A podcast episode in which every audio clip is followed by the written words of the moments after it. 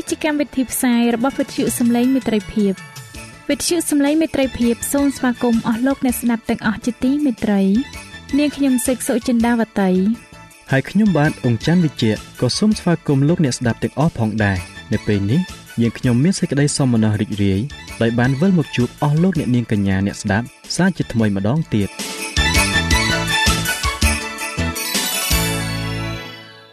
ចា៎លោកអ្នកស្ដាប់ជាទីមេត្រី នាងខ្ញុំសូមគោរពអញ្ជើញអស់លោកលោកស្រីអ្នកនាងកញ្ញាតាមដានស្ដាប់កម្មវិធីផ្សាយរបស់វិទ្យុយើងខ្ញុំដូចតទៅ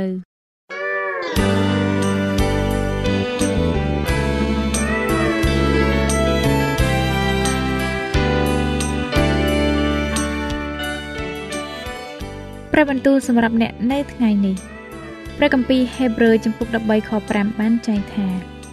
ចូលឲ្យកិរិយាដែលអ្នករកគ្នាប្រព្រឹត្ត បានឥតលោភឡើយ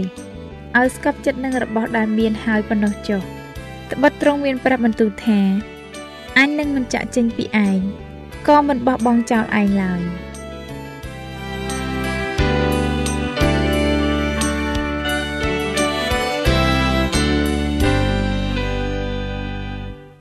សូមជម្រាបសួរអស់លោកអ្នកស្ដាប់នេតិសបាស្គូលប្រចាំសប្ដាហ៍ទាំងអស់គ្នាជាទីមេត្រីមេរៀនសម្រាប់សប្ដាហ៍នេះ មានចំណងជើងថាសេចក្តីផ្ដើមនៃកាន់គម្ពីរចោទយកថាសម្រាប់លោកអ្នកដែលចង់បានមេរៀននេះប្រើប្រាស់នៅលើទូរស័ព្ទដៃ Android លោកអ្នកអាចទាញយកបានតាមរយៈ Play Store ដោយវាយពាក្យថាខ្មែរសបាស្គូលមុននឹងឈានចូលទៅមេរៀននេះខ្ញុំសូមអញ្ជើញអស់លោកអ្នកធ្វើការពិចារណា នៅចំណុចនិងសំណួរមួយចំនួន ដែលតាក់ទងជាមួយនឹងមេរៀននេះដូចតទៅ តើហេតុអ្វីបានជាត្រូវការសេចក្តីស្រឡាញ់តើការធ្វើតាមព្រះខុសគ្នាពីការព្យាយាមសង្គ្រោះខ្លួនលោកអ្នកដោយអកប្បកិរិយាល្អផ្ទាល់ខ្លួនយ៉ាងដូចម្តេចដែរតើមានចំណុចត្រង់ណាខ្លះដែលពួកជំនុំ Seven Day Adventist ដូចគ្នានឹងសាសអ៊ីស្រាអែលនៅក្នុងសម័យព្រះគម្ពីរនោះតើកិច្ចការដូចគ្នាអ្វីខ្លះដែលព្រះបានប្រគល់ឲ្យយើងទទួលខុសត្រូវ ដោយដែលទ្រង់បានប្រគល់ដល់សាសអ៊ីស្រាអែលនៅក្នុងសម័យព្រះគម្ពីរនោះអស់លោកអ្នកជាទីមេត្រីតើហេតុអ្វីបានជាកាន់គម្ពីរចោទយកថាត្រូវបានសរសេរឡើងរបស់ទាំងអស់ដែលមានជីវិតរស់នៅលើផែនដី គឺសុទ្ធតែមានហេតុផលរបស់វាទាំងអស់លោកម៉ូសេ បានសរសេរកាន់គម្ពីរនេះឡើង សម្រាប់ហេតុផលដ៏ពិសេសមួយ នៅពេលដែលយើងយល់អំពីហេតុផលនៃកាន់គម្ពីរនេះ នោះ យើងនឹងយល់អំពីកាន់គម្ពីរនេះនឹងគោលបំណងកាន់តែប្រសើរឡើងផងដែរមានរឿងរ៉ាវជាច្រើន បានកើតឡើងមុនពេលដែលលោកម៉ូសេចាប់ផ្ដើមសរសេរកាន់គម្ពីរចោទយកថានេះលោកអ្នកប្រហែលជាឆ្ងល់ថាតើយើងចាំបាច់ត្រូវដឹងអំពីរឿងរ៉ាវដែលបានកើតឡើង ជាយូរលង់ណាស់នោះមកហើយដែរឬទេ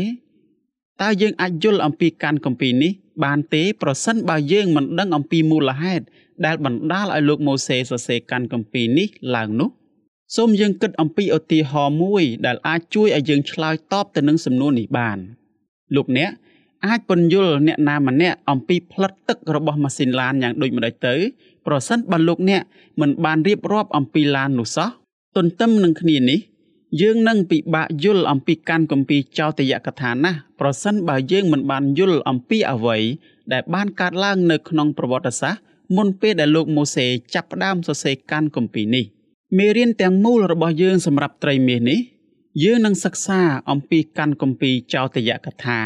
និងសេចក្តីពិតបច្ចុប្បន្ននៃកាន់គម្ពីរនេះតែម្ដងសេចក្តីពិតបច្ចុប្បន្នគឺជាសេចក្តីពិតនៃព្រះគម្ពីរដែលយើងត្រូវការជាទីបំផុតសម្រាប់សម័យរបស់យើងនៅពេលបច្ចុប្បន្ននេះមេរៀនសម្រាប់សប្តាហ៍នេះ យើងនឹងក្រឡេកមើលផ្នែកសំខាន់សំខាន់បំផុតនៃប្រវត្តិសាស្ត្រនៃព្រះគម្ពីរមុនពេលដែលលោកម៉ូសេសរសេរកាន់គម្ពីរចោទយកថាយើងនឹងឃើញវិធីដ៏ល្អបំផុតនៅក្នុងការយល់អំពីកាន់គម្ពីរនេះ ដែលត្រូវបានបំពេញដោយសេចក្តីពិតបច្ចុប្បន្នជាច្រើន បើចង់បានសេចក្តីស្រឡាញ់ចូលស្រឡាញ់អ្នកដទៃ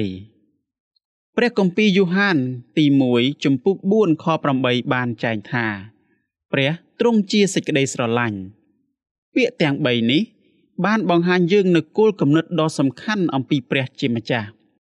សេចក្តីស្រឡាញ់មិនត្រឹមតែជាកិច្ចការដែលព្រះទ្រង់ធ្វើនោះទេសេចក្តីស្រឡាញ់គឺជាតួអង្គព្រះតែម្ដង ក្នុងសភាពជាបាបជនរឿងនេះពិបាកឲ្យយើងយល់បានពេញលេញណាស់ប៉ុន្តែយើងអាចដឹងបានថា ព្រះទ្រង់ជាសេចក្តីស្រឡាញ់ គឺជាដំណឹងល្អបំផុតមួយតើយ៉ាងណាទៅ ប្រសិនបើលោកយូហានសរសេរថា ព្រះទ្រង់ជាសេចក្តីសំអប់ឬលោកបែរជាសរសេរថា ព្រះទ្រង់ជាសេចក្តីអាក្រក់ឬ ព្រះទ្រង់មិនយកប្រតិយទុកដាក់ចំពោះយើងតតែសោះនោះគោលគំនិតស្ដីអំពីព្រះទាំងនេះនឹងធ្វើឲ្យយើងមានការព្រួយបារម្ភជាក់ជាមិនខានឡើយនៅពេលដែលយើងយល់ថា ព្រះទ្រង់ជាសេចក្តីស្រឡាញ់ នោះយើងនឹងបានយល់អំពីការគ្រប់គ្រងរបស់ព្រះកាន់តែប្រសើរឡើងព្រះទ្រង់ធ្វើគ្រប់យ៉ាងដោយសារតែសេចក្តីស្រឡាញ់ទាំងអស់ព្រះទ្រង់ស្រឡាញ់យើងដូច្នេះយើងគួរតែស្រឡាញ់ទ្រង់វិញសេចក្តីស្រឡាញ់ផ្ដល់ឲ្យដោយសុទ្ធចិត្តបើមិនដូច្នោះទេ នោះវាមិនអាចហៅថាជាសេចក្តីស្រឡាញ់បានឡើយព្រះមិនបានបង្ខំយើងឲ្យស្រឡាញ់ទ្រង់នោះទេ តែបើព្រះបង្ខំយើងឲ្យស្រឡាញ់ទ្រង់នោះសេចក្តីស្រឡាញ់របស់យើង មិនមែនជាសេចក្តីស្រឡាញ់ពិតទៀតនោះឡើយនោះជាមូលហេតុដែលព្រះបានអនុញ្ញាតឲ្យគ្រប់គ្នានៅឯស្ថានសួគ៌និងនៅលើផែនដីមានសេរីភាពក្នុងការជ្រើសរើសស្រឡាញ់ដោយស្ម័គ្រពីចិត្ត Lucifer គឺជាបុគ្គលម្នាក់ដែលបានជ្រើសរើសមិនស្រឡាញ់ព្រះជំរឿសរបស់ខ្លួន បាននាំឲ្យមានមហាវិវាទរវាងសេចក្តីល្អនិងសេចក្តីអាក្រក់កើតឡើងនៅឯស្ថានសួគ៌និងនៅលើផែនដីនេះ។ព្រះគម្ពីរអេសេគៀលជំពូក28ខ15ចែងថា ចាប់តាំងពីថ្ងៃដែលឯងកើតមកនោះឯងបានគ្រប់លក្ខក្នុងគ្រប់ទាំងផ្លូវរបស់ឯងដរាបដល់វេលាដែលឃើញមានសេចក្តីទុច្ចរិតនៅក្នុងឯងខនេះបង្ហាញយើងថា ព្រះទ្រង់បានបង្កើតលុយស៊ីហ្វឺមកយ៉ាងល្អឥតខ្ចោះទោះបីជាដូច្នេះក្តីលុយស៊ីហ្វឺនៅតែមានបាបនៅក្នុងចិត្តរបស់វាដែរព្រះបានអនុញ្ញាតឲ្យលុយស៊ីហ្វឺមានសេរីភាពក្នុងការស្រឡាញ់ដល់ទ្រង់ព្រះបានប្រទាននៅអវ័យអ្វីជាច្រើនដល់លុយស៊ីហ្វឺប៉ុន្តែទេវតារូបនេះ ត្រូវការលើសពីនោះទៅទៀតម្ល៉េះហើយ ការត្រូវការនោះ ក៏បានបណ្ដាលឲ្យកើតមានសង្គ្រាមនៅឯស្ថានសួគ៌ការធ្លាក់ចុះនៅក្នុងអំពើបាបនិងទឹកជំនន់ព្រះបានបង្កើតមនុស្សលោកជាមួយនឹងសេរីភាពក្នុងការជ្រើសរើសយើងអាចជ្រើសរើសស្រឡាញ់ទ្រង់វិញឬមិនស្រឡាញ់ទ្រង់ក៏បាន យើងអាចជ្រើសរើសរវាងសេចក្តីល្អនិងសេចក្តីអាក្រក់សេរីភាពនេះគឺជាគ្រឹះនៃសេចក្តីស្រឡាញ់ សេចក្តីស្រឡាញ់ត្រូវតែមានសេរីភាពក្នុងការជ្រើសរើសបើមិនដូច្នោះទេ នោះមិនមែនជាសេចក្តីស្រឡាញ់ពិតឡើយសេរីភាពដដែលនេះក៏មានហានិភ័យមកជាមួយផងដែរដូចដែលយើងបានឃើញរួចមកហើយ យើងអាចធ្វើការជ្រើសរើសខុសដូចជាលុយស៊ីហ្វឺលោកអាដាម នាងអេវ៉ាដែលជាឪពុកម្ដាយដើមរបស់យើងក៏បានប្រព្រឹត្តខុសដូចគ្នានោះដែរ សូមលោកអ្នកអាននៅក្នុងព្រះគម្ពីរលោកុបាទជំពូក2ខ16ខ17និងព្រះគម្ពីរលោកុបាទជំពូក3ខ1ដល់ខ7ខទាំងនេះ បានបង្ហាញយើងអំពីមនុស្សដ៏ល្អឥតខ្ចោះនៅលើផែនដីមួយនេះ ពួកគេត្រូវបានបង្កើតឡើងយ៉ាងល្អឥតខ្ចោះដោយព្រះដ៏ឧត្តមឧត្តមប៉ុន្តែពួកគេបែរជាជ្រើសរើសធ្វើបាបទៅវិញ តើខទាំងនេះបង្ហាញយើងអំពីសេរីភាពអ្វីខ្លះតាក់ទងជាមួយនឹងសេរីភាពដែលព្រះបានប្រទានដល់យើងជាមនុស្សតើសេរីភាពនេះអាចនាំទៅរកអ្វីអស់លោកអ្នកជាទីមេត្រីបន្ទាប់ពីការធ្លាក់ចុះនៅក្នុងអំពើបាបអ្វីអ្វីគ្រប់យ៉ាងកាន់តែអាក្រក់ឡើង ហើយធ្វើឲ្យមនុស្សคล้ายទៅជាតួអង្គដ៏អាក្រក់ជាទីបំផុតព្រះជាម្ចាស់បានឃើញថា ការអាក្រក់របស់មនុស្សបានចម្រើនជាច្រើនឡើងនៅផែនដី ហើយអស់ទាំងគំនិតនៅក្នុងចិត្តគេ គឺសុទ្ធតែអាក្រក់ជានិច្ចដូច្នេះដោយដែលមានចែងនៅក្នុងព្រះគម្ពីរលោកុបាទជំពូក6ខ5អាកប្បកិរិយារបស់ពួកគេក៏អាក្រក់ដែរ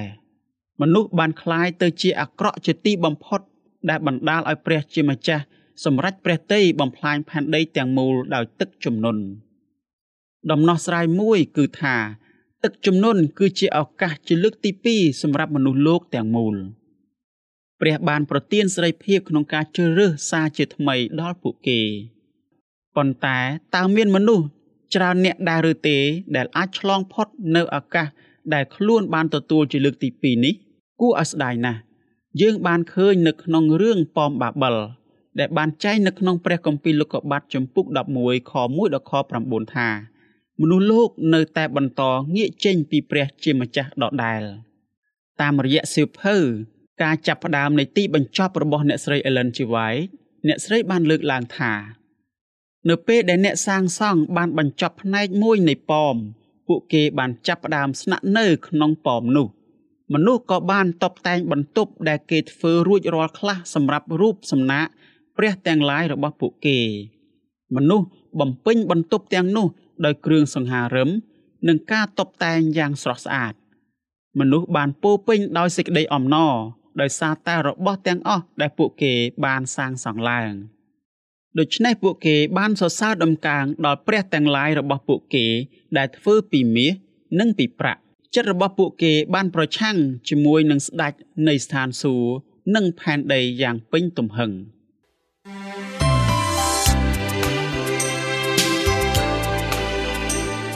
សេចក្តីជំនឿកើតឡើងដោយលឺហើយដែលលឺនោះគឺដោយសារព្រះបន្ទូលនៃព្រះ តាមរយៈវិទ្យុសំឡេងមិត្តភាព AWR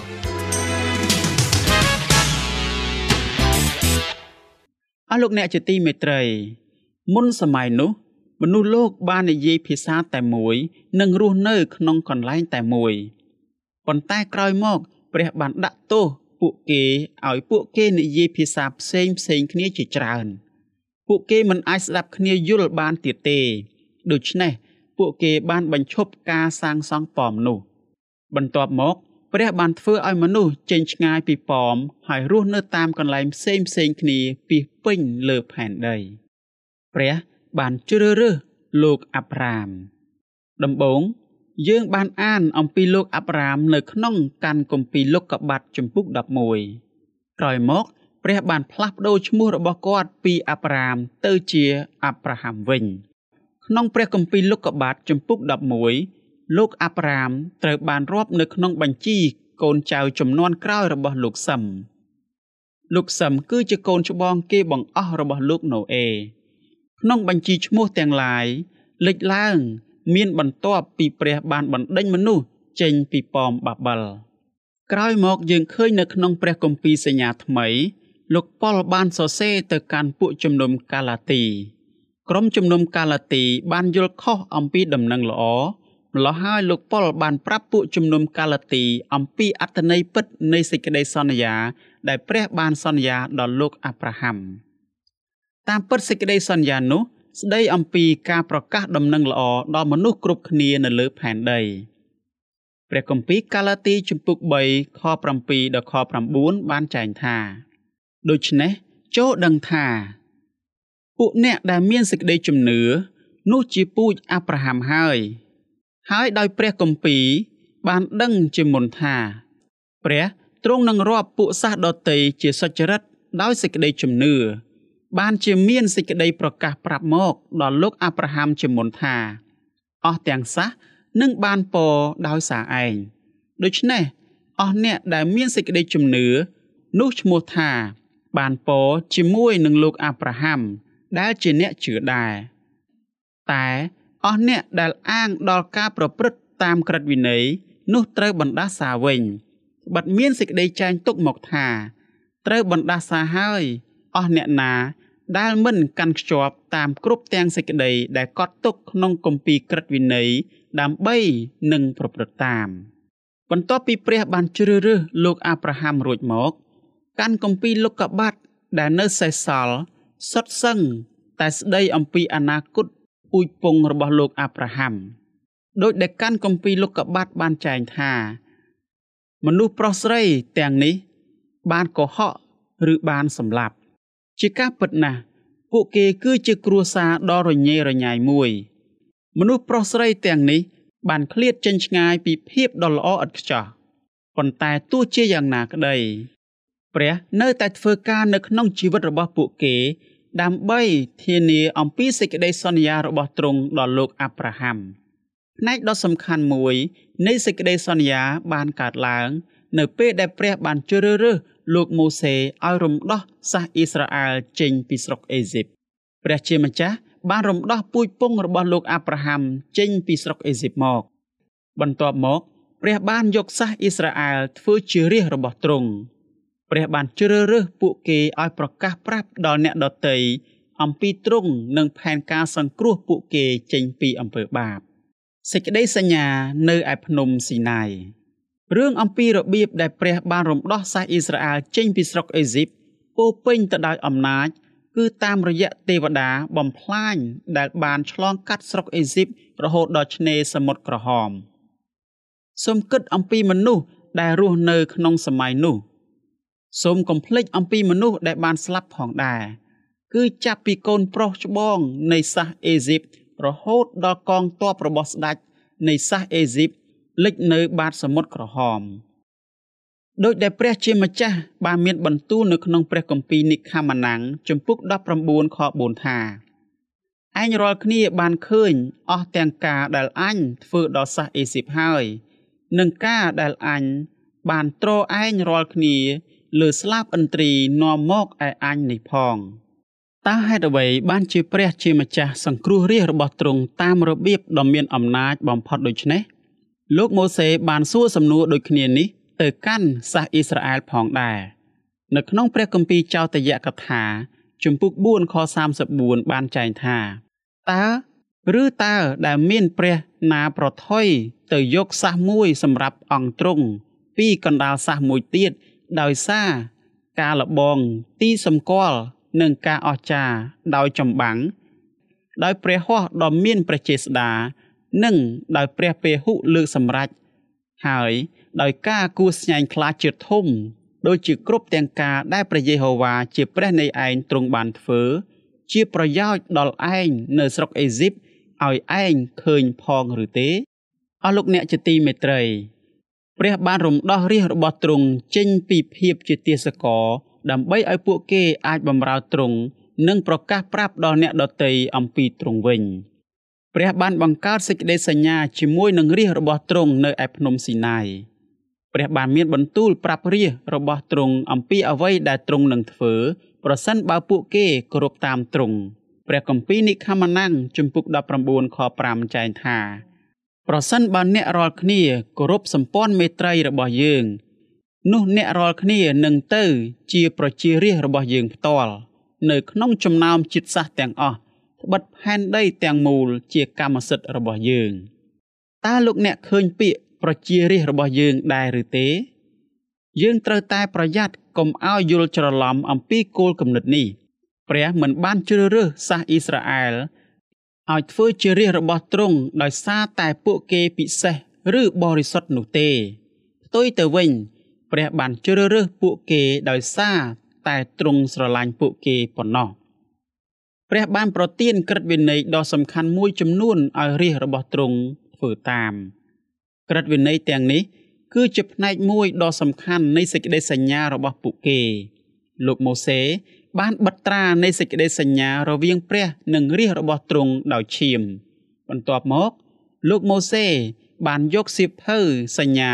មកអានមើលឲ្យបណ្ដាជនស្ដាប់ គេក៏ឆ្លើយឡើងថា យើងខ្ញុំរាល់គ្នានឹងធ្វើតាមគ្រប់អស់ទាំងសេចក្តីដោយដែលមានចែងនៅក្នុងព្រះគម្ពីរនិខាម៉ាណាំងជំពូក24ខ7ការធ្លាក់ក្នុងអំពើបាបឡើងវិញ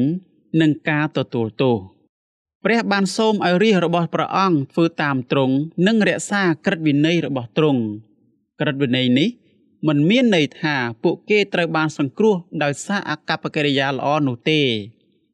សូមលោកអ្នកអានបន្ថែមនៅក្នុងព្រះគម្ពីរម៉ាថាយជំពូក7ខ24ដល់ខ27ព្រះគម្ពីរយូហានជំពូក14ខ15និងព្រះគម្ពីរយ៉ាកុបជំពូក2ខ20ក៏ដូចជាព្រះគម្ពីររ៉ូមជំពូក6 ខ11និងខ12ផងដែរម្ដងហើយម្ដងទៀតនឹកចុងបញ្ចប់របស់ពួកគេ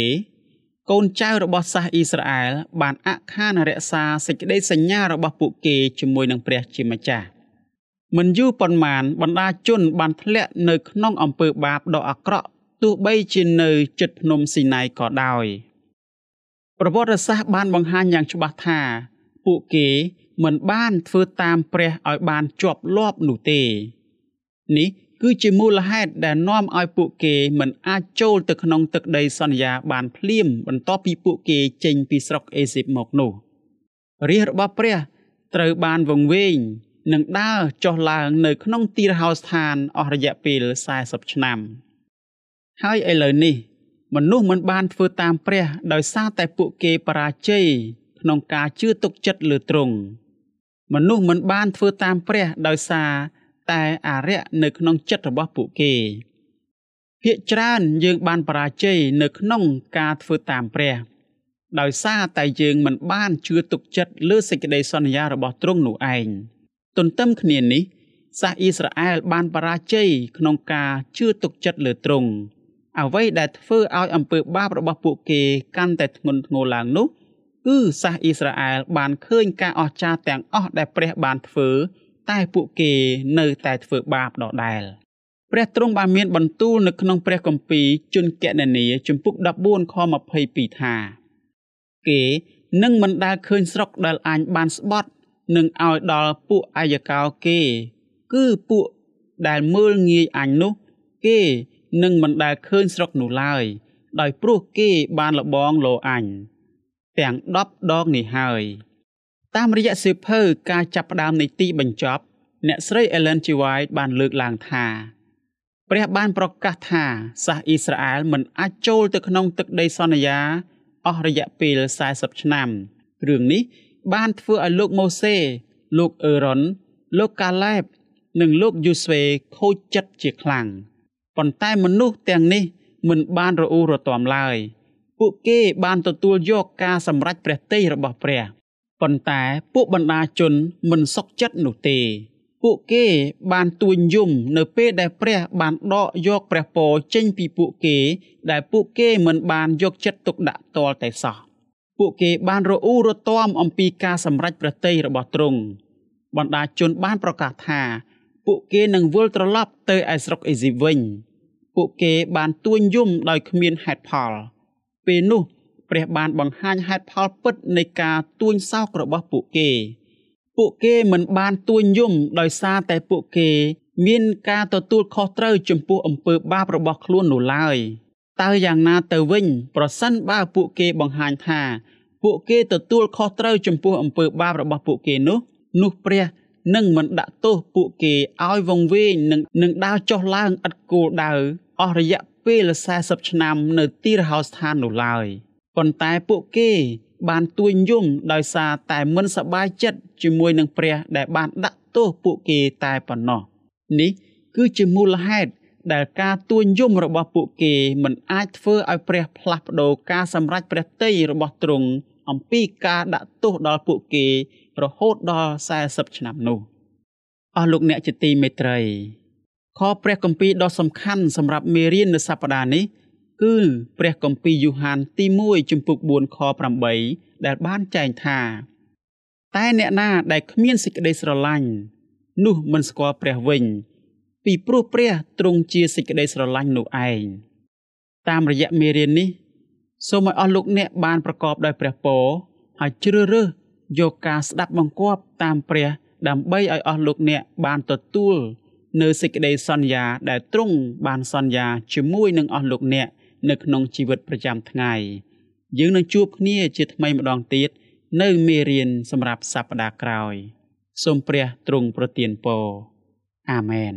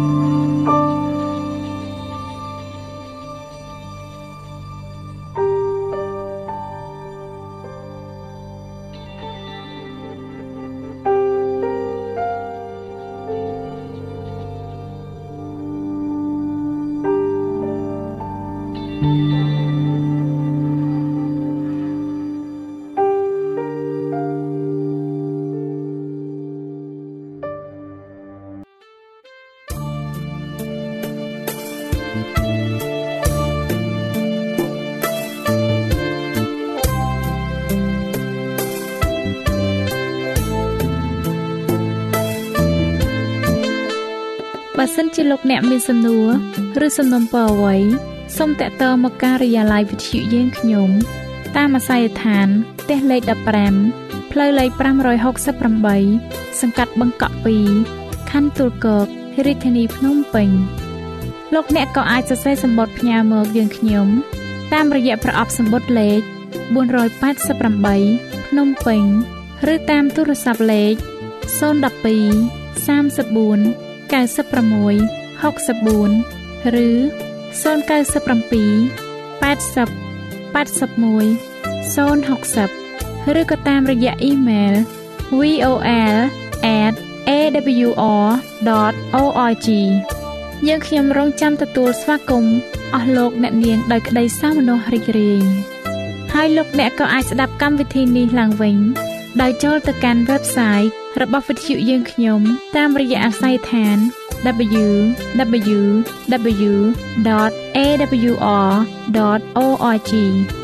លោកអ្នកនាងកញ្ញាជាទីមេត្រី កម្មវិធីផ្សាយរបស់វិទ្យុសំឡេងមេត្រីភាពនៅពេលនេះសូមបញ្ចប់តែប៉ុណ្ណេះ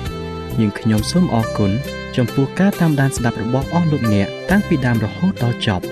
យើងខ្ញុំសូមជូនពរឲ្យអស់លោកអ្នកនាងកញ្ញាទាំងអស់បានចម្រើនឡើងក្នុងព្រះគុណព្រះអង្គម្ចាស់ ហើយក្នុងការទទួលយកព្រះយេស៊ូវគ្រីស្ទជាព្រះអង្គម្ចាស់និងជាព្រះអង្គសង្គ្រោះនៃយើងរាល់គ្នានាទីផ្សាយរបស់វិទ្យុយើងខ្ញុំនឹងវិលមកជួបអស់លោកអ្នកសាជាថ្មីម្ដងទៀតនៅថ្ងៃស្អែកវេលាម៉ោងដដែលនាងខ្ញុំសេកសុចិន្តាវតីនិងខ្ញុំបាទអ៊ំច័ន្ទវិជ្ជៈសូមអរគុណសូមជម្រាបលា